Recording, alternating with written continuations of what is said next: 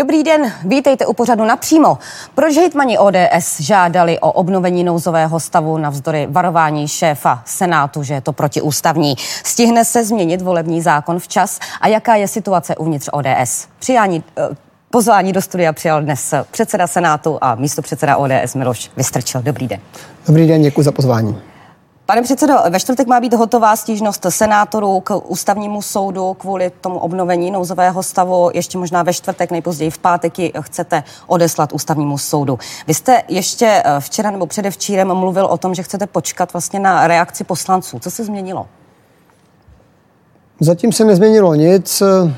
Návrh ústavnímu soudu se připravuje s tím, že ta stížnost vlastně bude definitivně dokončená v okamžiku, kdy budeme vidět, zda poslanci budou hlasovat nebo nebudou hlasovat o zrušení nouzového stavu, protože by to třeba mohlo trochu změnit obsah eh, toho našeho návrhu, ale podáme ho v každém případě a předpokládám, že v pátek dopoledne k tomu budeme mít tiskovou konferenci.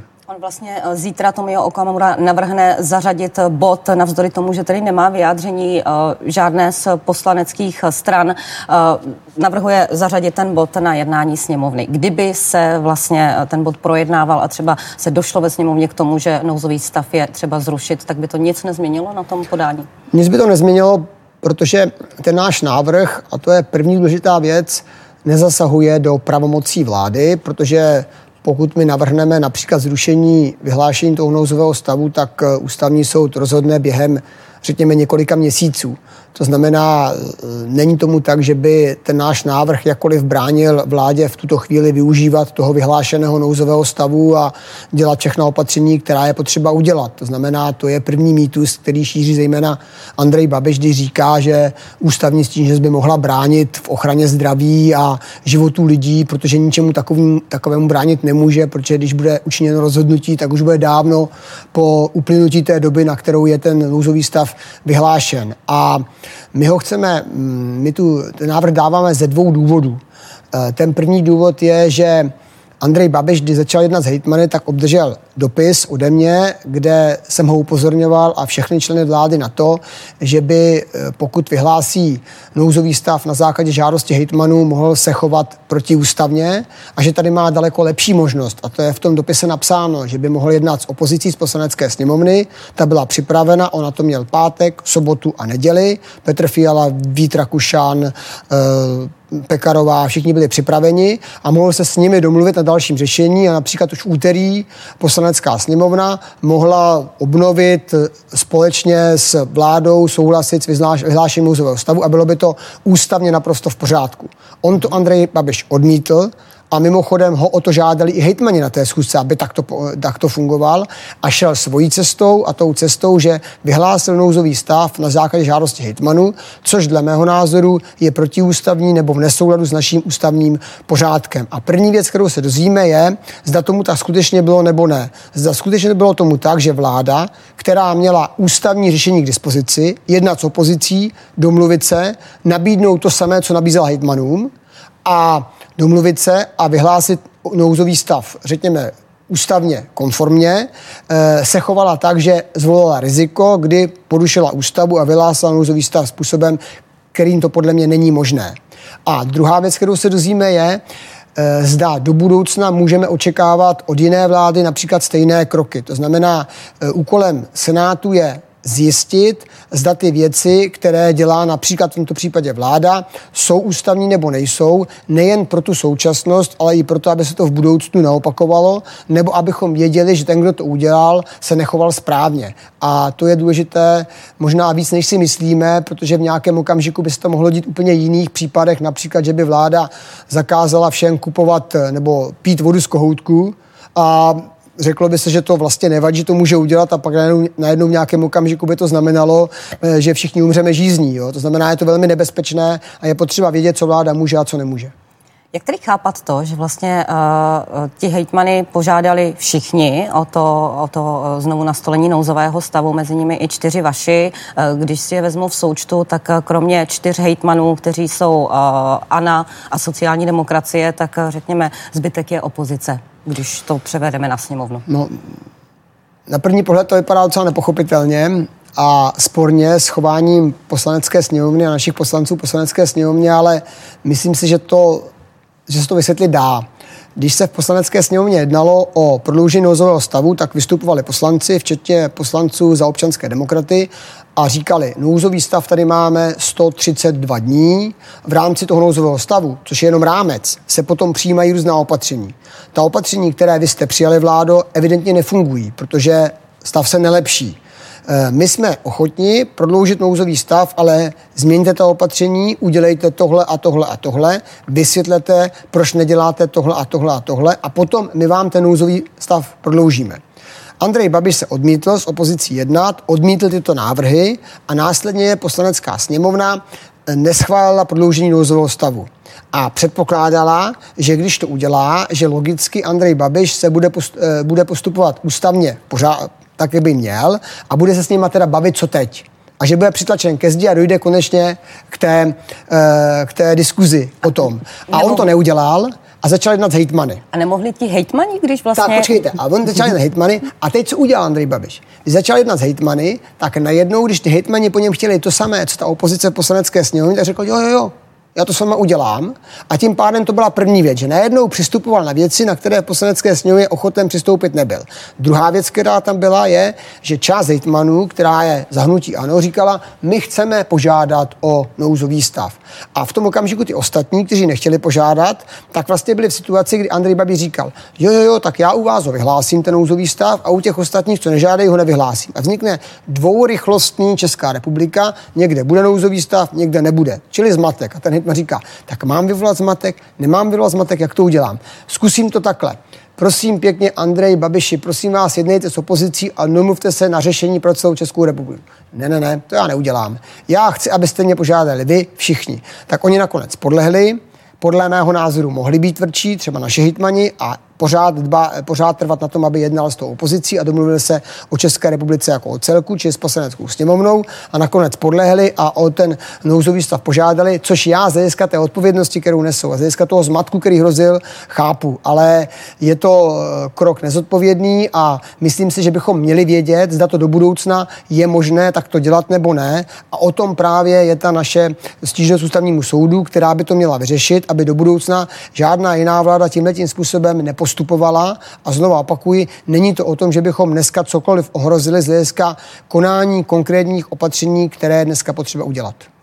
Mluvil jste třeba s, s vašimi hejtmany o tom, že mohli být právě tvrdší a že mohli, protože vlastně, eh, když se spojí s těmi opozičními, když to převedeme na tu poslaneckou sněmovnu, je vás deset eh, těch vládních, když to převedeme na sněmovnu, eh, jsou čtyři, že by přesvědčili ty čtyři hejtmany, ať postupují společně, aby opravdu, když už tedy Andrej Babiš je vlastně ochoten jim, jim vlastně víc stříc v těch požadavcích, tak aby stejně tak vyšel stříc právě těm poslancům a domluvili se na úrovni poslanecké sněmovny. Já jsem s nimi samozřejmě mluvil, Oni říkali, že to Andrej Babiš tvrdě a striktně odmítal. Já tomu rozumím, byť se mi to nelíbí a považuji to za nezodpovědné a neslušné, protože mm, je v tom politika. A politika eh, je v tom, že pokud Andrej Babiš se nedomluvil s opozicí ve sněmovně, a následně to domluvil s někým jiným, tak on je tím vítězem. On je tím, kdo vlastně všechno zachránil, všechno domluvil, všechno zařídil, přestože to opozice nechtěla a zároveň to musí tak být, protože nikdo není tak hloupý, aby to neuvědomoval, že když to domluvil s hejtmany z ODS a předtím to nedomluvil s poslanci za ODS, tak vzniká spor, na který se všichni ptají, jako vy dneska tady. Znamená, jsou tam dvě vítězství Andreje Babiše. Jedno je to, že přehrál opozici a vlastně která mu umožnila tím, že neprodloužila nouzový stav se bavit s hejtmany. Tím pádem on to zachránil jednáním s hejtmany, e, zachránil to, to vyhrál poprvé a ještě dosáhl toho, že hejtmani z ODS měli jiný názor než třeba poslanci z ODS. Takže je to věc, která je nepříjemná. V politice to tak někdy chodí a těžko se to vysvětluje. Já jsem rád, že to tak dneska můžu aspoň trochu vysvětlit. Tomu druhému po vítězství z, z vašeho pohledu se dalo zabránit tedy? No já říkám, mohli být naše hitmani tvrdší, na druhé straně já jsem na tom jednání nebyl. Já nevím, jak to vypadalo, pokud eh, některý hitman trvá na tom, že bude žádat a Andrej Babiš říká, tak já vám to na vašem území eh, ten nouzový stav vyhlásím a pak se někdo vrátí například do jeho českého kraje na Vysočinu nebo do plzeňského kraje, že on ho nemá, ten nouzový stav a že to musí dělat nějakým jiným způsobem, mimochodem opatřeními, které by zase muselo vyhlašovat ministerstvo zdravotnictví, tak jak on se tam cítí? On je ve velmi, ve velmi nekomfortní pozici, eh, může se mm, dočkat velké kritiky, protože tam nouzový stav mají, teď ještě to má všechno v rukou vláda, která nese odpovědnost a to se velmi obtížně vysvětluje. Já sám to teď zažívám, že se to velmi obtížně vysvětluje, jak je to možné, proč se tak stalo, proč se tak nestalo, jak to, že opozice se nedomluvila, jak to, že hejtmani se domluvili, jak to, že ústavní tížnost a tak dále. Ono to přitom krásně všechno do sebe zapadá. To znamená, prvně opozice poslanecké sněmovně, návrhy, odmítnutí, nedomluva, neprodloužení. Potom hejtmani, eh, najednou návrhy přijaty, najednou tlak, řekněme, nějaké skupiny hitmanů, která je z ANO, pojďme to udělat, najednou nevůle Babiše jednat s opozicí a pak neústavní postup, kde vy máte povinnost říct, hele, my to musíme prověřit, protože takhle se normálně jednat nedá, to není normální. Normálně je to tak, že poslanecká sněmovna z ústavy kontroluje vládu a vláda je odpovědná ze své činnosti poslanecké sněmovně. A to, co udělal Andrej Babiš, vlastně v důsledku znamená, kdykoliv já budu chtít jako premiér, tak mohu vyhlásit nouzový stav. Jinými slovy, pokud by poslanecká sněmovna kdykoliv e, zrušila nouzový stav anebo odmítla prodloužit, tak on tím svým činem říká, ale já to kdykoliv můžu znovu vyhlásit. Čili ta kontrolní role poslanecké sněmovny mizí, je vyprázdněná, protože e, kdykoliv by ona neprodloužila nebo zrušila, tak on okamžitě vyhlašuje. To znamená, není tam žádná prodleva, nemůže tomu zabránit. A když normální zákon, normální zákon musíte přijmout většinou ve sněmovně, tak není normální, když nouzový stav, kde jsou veliké pravomoci dány vládě, eh, není možné zrušit eh, rozhodnutím poslanecké sněmovny. To je řečeno vlastně tím rozhodnutím. Poslanecká sněmovna vlastně nemůže zrušit nouzový stav vyhlášený vládou, protože kdyby tak učinila, tak já to vyhlásím okamžitě znovu. Povedlo se tedy Andrej Babišovi, přestože byl uh, po minulém čtvrtku uh, sám přitlačen ke zdi, přitlačit ke zdi někoho dalšího a obrátit to ve svůj prospěch? Vzhledem k tomu, co zažívám třeba já, tak uh, se mu minimálně povedlo ten stav vyrovnat a Myslím si, že pro nás, pro všechny, to musí být velké poučení. Na druhé straně já musím říci, že ty prostředky, které k tomu Andrej Babiš použil, Eh, já se bojím, že by každý použít neuměl. Co se týče Andreje Babiše, tak jeho reakce po dnešním jednání premiéru V4 v Krakově. Pokud Senát dělá všechno proto, aby jsme neměli prostředky bránit životy našich občanů, tak to považuji za absurdní. Evidentně Senát zajímá jenom, aby nám vzali ty kompetence, ale přece sněmovna řekla, že hejtmani to můžou dělat a hejtmani nám řekli, že to nechtějí dělat, že to máme dělat my. Takže já to vůbec nechápu. V podstatě stejná strana ve sněmovně něco řekne, stejná strana zároveň řekne něco jiného a stejná řekne zase všechno naopak. Vláda nepřinesla přinesla covid, pandemie přišla, vláda se snaží s ní bojovat a bohužel tyto instituce se snaží bojovat s vládou, aby nemohla bojovat proti covidu. Je to, uh, jak tvrdí Andrej Babiš, politikaření? Je to ze strany Andreje Babiše jedna velká lež a mám skoro chuť říct i lumpárna. Protože není pravda, že Senát eh, jakkoliv brání Andrej Babišovi a vládě dělat opatření, která nám pomohou překonat pandemii. Protože rozhodnutí ústavního soudu budeme mít za několik měsíců. Do té doby platí vyhlášený nouzový stav a v rámci tohoto nouzového stavu může vláda provádět veškerá opatření, aby zlepšila stávající situaci. Všichni vidíme, že si to nedaří, že to neumí a nechce akceptovat konstruktivní návrhy opozice. A to, že někdo dokonce přestože není úspěšný a zavádí neefektivní, nefunkční opatření, potom dělá to, že si ještě bere do ruky jako rukojmí občany, jejich zdraví a jejich životy a kritizuje například Senát, že mu na nich nezáleží, je nehoráznost, protože k ničemu takovému nedochází naším podáním k ústavnímu soudu není vláda jakkoliv omezená ve svých právech v současné době cokoliv dělat. Jediné, co potom se dozvíme, až ústavní soud rozhodne, je to, zda postupovala ústavně správně a zda tak bude moci učinit i kterákoliv další vláda, A to je to hlavní, protože my to potřebujeme vidět, aby se to už nedělo a aby příště normálně vláda jednala s opozicí a s poslaneckou sněmovnou, s opozicí poslanecké sněmovně, protože to je její role. To je role poslanecké sněmovny. Kontrolovat vládě a vláda je zodpovědná. A na tom je založena stabilita naší společnosti, na to jsou pilíře naší společnosti, to znamená demokratické principy, eh, svoboda, ústavnost a dělba moci. A tu dělbu moci nemůžeme nikam posouvat, že vláda se bude rozhodovat, aniž by ji kontrolovat poslanecká sněmovna mohla. To by mohlo skončit tím, že vláda najednou rozhodne o tom, že já nevím, tady všichni budeme chodit, já, eh, budeme eh, se chovat tak, že se bude jezdit po levé straně a my řekneme, tu můžu přece, teď nemusím čekat na poslaneckou sněmovnu, nemusím dodržovat ten zákon, který ona schválila. To není možný. Navazuju uh, diváckým dotazem. Vážený pane předsedo, co by znamenalo pro občany České republiky, pokud by ústavní soud rozhodl o neústavnosti rozhodnutí vlády? Dozvěděli bychom se to, že se vláda chová nezodpovědně a že by tak, že, a do budoucna už by tak se e, chovat nemohla a že to rozhodnutí, které udělala, e, nebylo nebylo správné. A potom, těch potom by se mohlo stát to, že pokud byla zavedena nějaká opatření, která byla realizována a někomu na, e, vznikla nějaká škoda, tak by ji potom na státě logicky mohl chtít na náhradu té škody. Ale z hlediska toho, že by se jakkoliv ohrozilo zdraví nebo životy lidí, nestalo by se vůbec nic. Pojďme k volebnímu zákonu. Včera e, na půdě Senátu proběhl seminář na toto téma. E, podle ministerstva vnitra e, jsou čtyři možnosti změny volebního zákona, tak aby vlastně to vyhovělo tomu nálezu ústavního soudu. Vy osobně byste se přiklonil, co se týče například těch obvodů, k tomu, aby jich zůstalo 14, aby byl jeden, nebo aby se některé ty obvody u těch menších sloučily, třeba aby jich bylo 8, jako to bylo kdysi. Já se přikláním k tomu, aby zůstalo 14 volebních krajů, protože jsme na to už zvyklí a má to jednu velikou výhodu, že ten, kdo se o politiku zajímá, tak je schopen podle mě v těch krajích skutečně poznat toho lídra, seznámit se s těmi osobnostmi, které jsou na těch kandidátkách a třeba si i o nich něco zjistit. Pokud byste měli jednu velkou kandidátku, tak potom je to jenom o té jedné osobě která je úplně první, možná o několika dalších a ten zbytek je naprosto nečitelný zluk lidí a jmén, o kterých nic nevíte.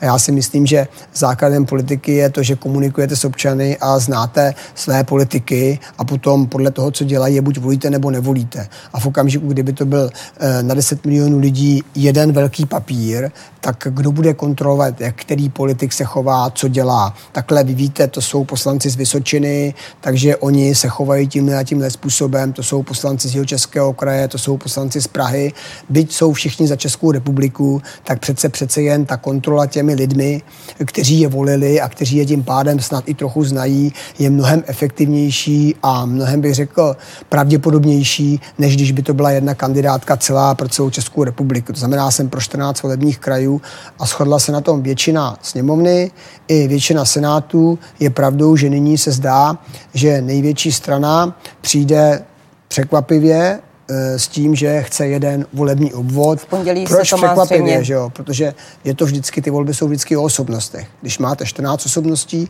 můžete postavit 14 kandidátek. Když máte jednu osobnost, je pro vás lepší postavit třeba jenom jednu kandidátku. Takže myslíte, že eh, vlastně jeden volební obvod, tato varianta hraje eh, do karet například právě hnutí ANO nebo, nebo Těm, SPD, jsou, Tomia Okamura? Třeba, no. Já si myslím, že, že to tak je, protože... Pokud toto eh, projde vládou v pondělí, protože se tam má vlastně předložit ten návrh na změnu volebního zákona, tak vy nebudete pro? Mm, já, my jsme řekli v Senátu, že jsme se ochotni bavit o jakékoliv variantě. V Senátu to dopadlo tak, že pro 14 volebních krajů jsou všechny, všechny senátorské kluby. Všechny. To, eh, pokud eh, teď vznikne dotaz, dobře jste z toho ochotní ustoupit, tak za sebe odpovídám. Dovedu si představit, že se budeme bavit i o změně tohoto názoru ze strany Senátu, ale mělo by to potom být tak, že poslanecká sněmovna, o kterou jde a, a která bude dělat ten volební zákon pro ty svoje volby, bude mít stejně silně opačný názor, jestli si rozumíme. Stejně silně opačný názor. Ne, že menšina v poslanecké sněmovně bude mít jiný názor a bude chtít, aby stoprocentní názor Senátu nebyl realizován. To nemá logiku. Měli bychom i z hlediska síly těch názorů to nějak poměřovat a říkat si, dobře, tady ustoupíme poslanecké sněmovně, byť se Senát myslí něco jiného, ale my v Senátu třeba jsme na tom tak, že 30 senátorů je pro a 50 je proti. A poslanecké sněmovně je o 180 poslanců pro. Dobře, nechtě po, po sněmovním. Takhle bychom si myslím měli postupovat, takhle bychom se měli domlouvat a věřím, že to dokážeme ale není možné, když stoprocentně má Senát nějaký názor, aby, eh, když má sněmovna 40% jiný názor, aby se vyhovovalo sněmovně, to si myslím, že by nebylo úplně férové do, domlouvání. Co se týče uh, té změny volebního zákona, tak uh, tam, se bude, tam se budou měnit i podmínky pro nově vznikající koalice. Vzhledem k tomu, k nálezu ústavního soudu, má třeba koalice spolu v tuto chvíli ještě takový význam? Pro mě koalice spolu není o načítacím kvóru, není o tom, jestli budeme mít více mandátů, protože když jsme se spojili, tak budeme více procent. Bude, bude se ladit program, bude, spojují se a... tři strany, samozřejmě musí se dělat nějaké kompromisy, budou no. se ladit kandidátky, budou se muset dělat kompromisy uh, ohledně toho, kdo na nich bude. Má no, to, to smysl se, potom? To se musí, ale vy, kdybyste, eh, kdyby občanští demokraté šli do voleb samostatně, tak potom jak KDU ČSL, tak TOP 09 jsou naši nejbližší koaliční partneři a budeme se o tom samém bavit po volbách, pokud bychom uspěli. Takže mně se zdá, že rozumnější je říct těm lidem, říct těm lidem dopředu, zvláště eh, z hlediska toho, jak dneska vypadá situace i z hlediska preferencí.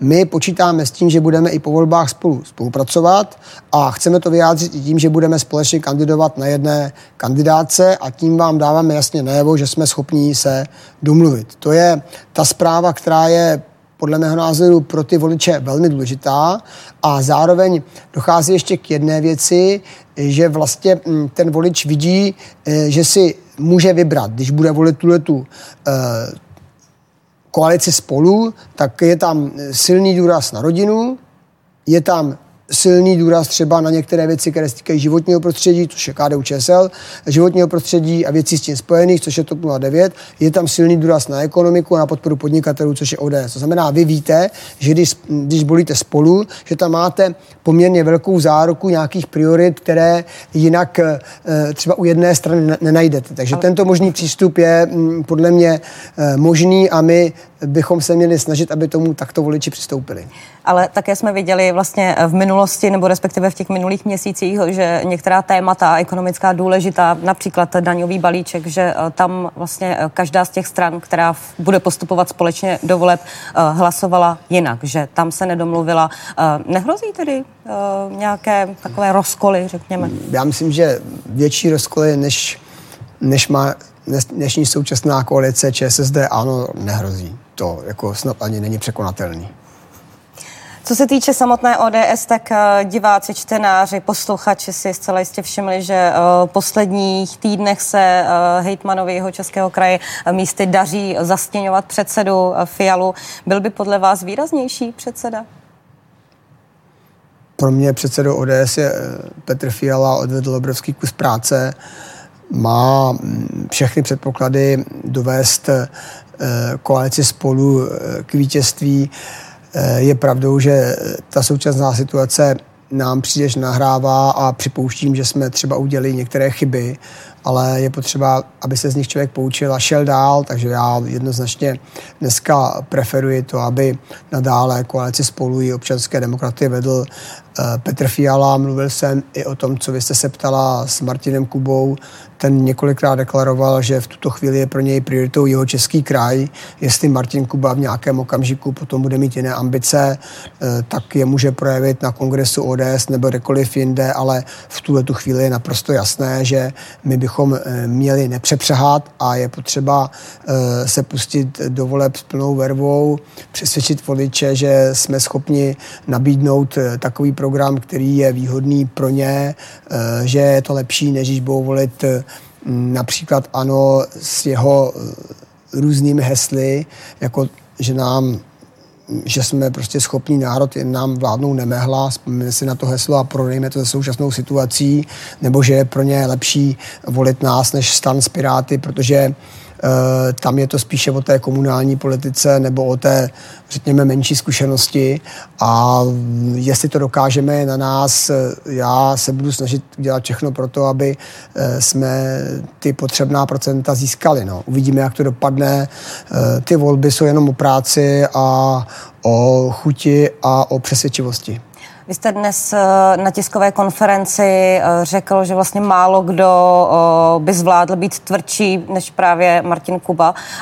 Neukazuje se třeba chvílemi podle vás, že pan předseda Fiala je třeba o něco zdatnější v té politické teorii a pan Kuba v té politické praxi? Když někdo dokáže být tvrdý, to ještě neznamená, že je zdatný mm, v té politice. Jo. Někdy tvrdost je zbytečná nebo zbytná, někdy, když víte, kdy máte ustoupit eh, dozadu a pak zase udělat krok dopředu, se může hodně vyplatit. Eh, já si v tuto chvíli nemyslím a opakuji se, eh, že dochází k nějakým sporům nebo eh, k nějakým třenicím, eh, které by směřovaly k tomu, že bude v ODS docházet ke změnám třeba ve vedení a podobně.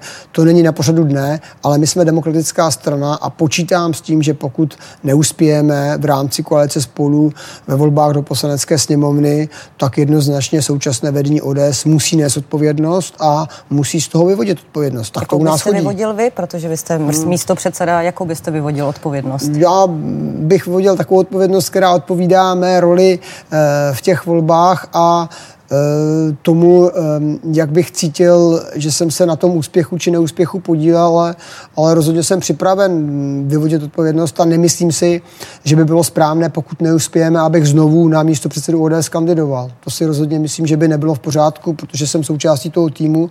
Pokud ten tým neuspěje, tak je potřeba, aby dostali příležitost jiní. Tak to je. Takže to je politika. V tom případě by měl skončit i pan předseda Fiala. Unesla by ODS, kdyby byla tam, třetí období třeba v opozici? tam opravdu záleží na tom, jak to dopadne. Eh, vždycky ono, on ten rozdíl mezi úspěchem a neúspěchem bývá někdy eh, velmi malý, protože někdy mm, máme hejtmany, kde jsme volby nevyhráli. A byli jsme tam teda úspěšní nebo nebyli. Rozumíme si a podobně. Takže eh, já bych počkal, až jak to dopadne, ale neříkám to proto, abych eh, si nějak chtěl vyvinit z té otázky nebo vyhnout té otázce. Já jsem připraven a mluvím teď za sebe tu odpovědnost vyvodit. Pokud nedopadneme dobře v těch volbách, pokud skončíme na třetím místě, to znamená, budeme e, za Piráty ze stanem i za ANO, tak to považuji za neúspěch a v tom případě já za sebe, nebudu mluvit za někoho jiného, si nemyslím, že jsem jako místo předseda ODS uspěl.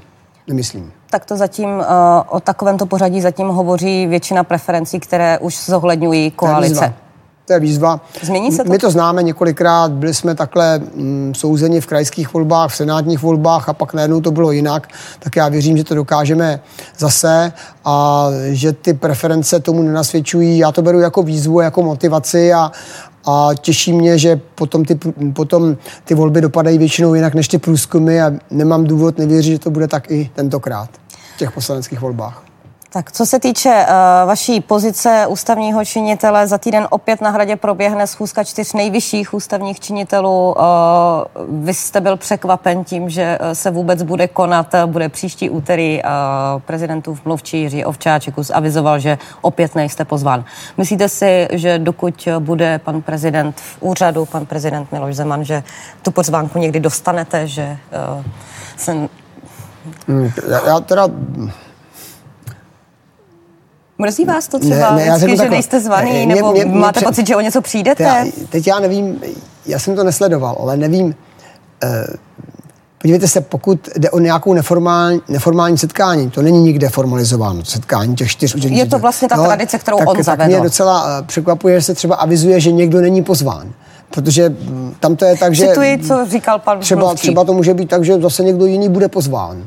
Jo, třeba místo mě tam bude nějaký velvyslanec třeba z nějaké země nebo něco podobného.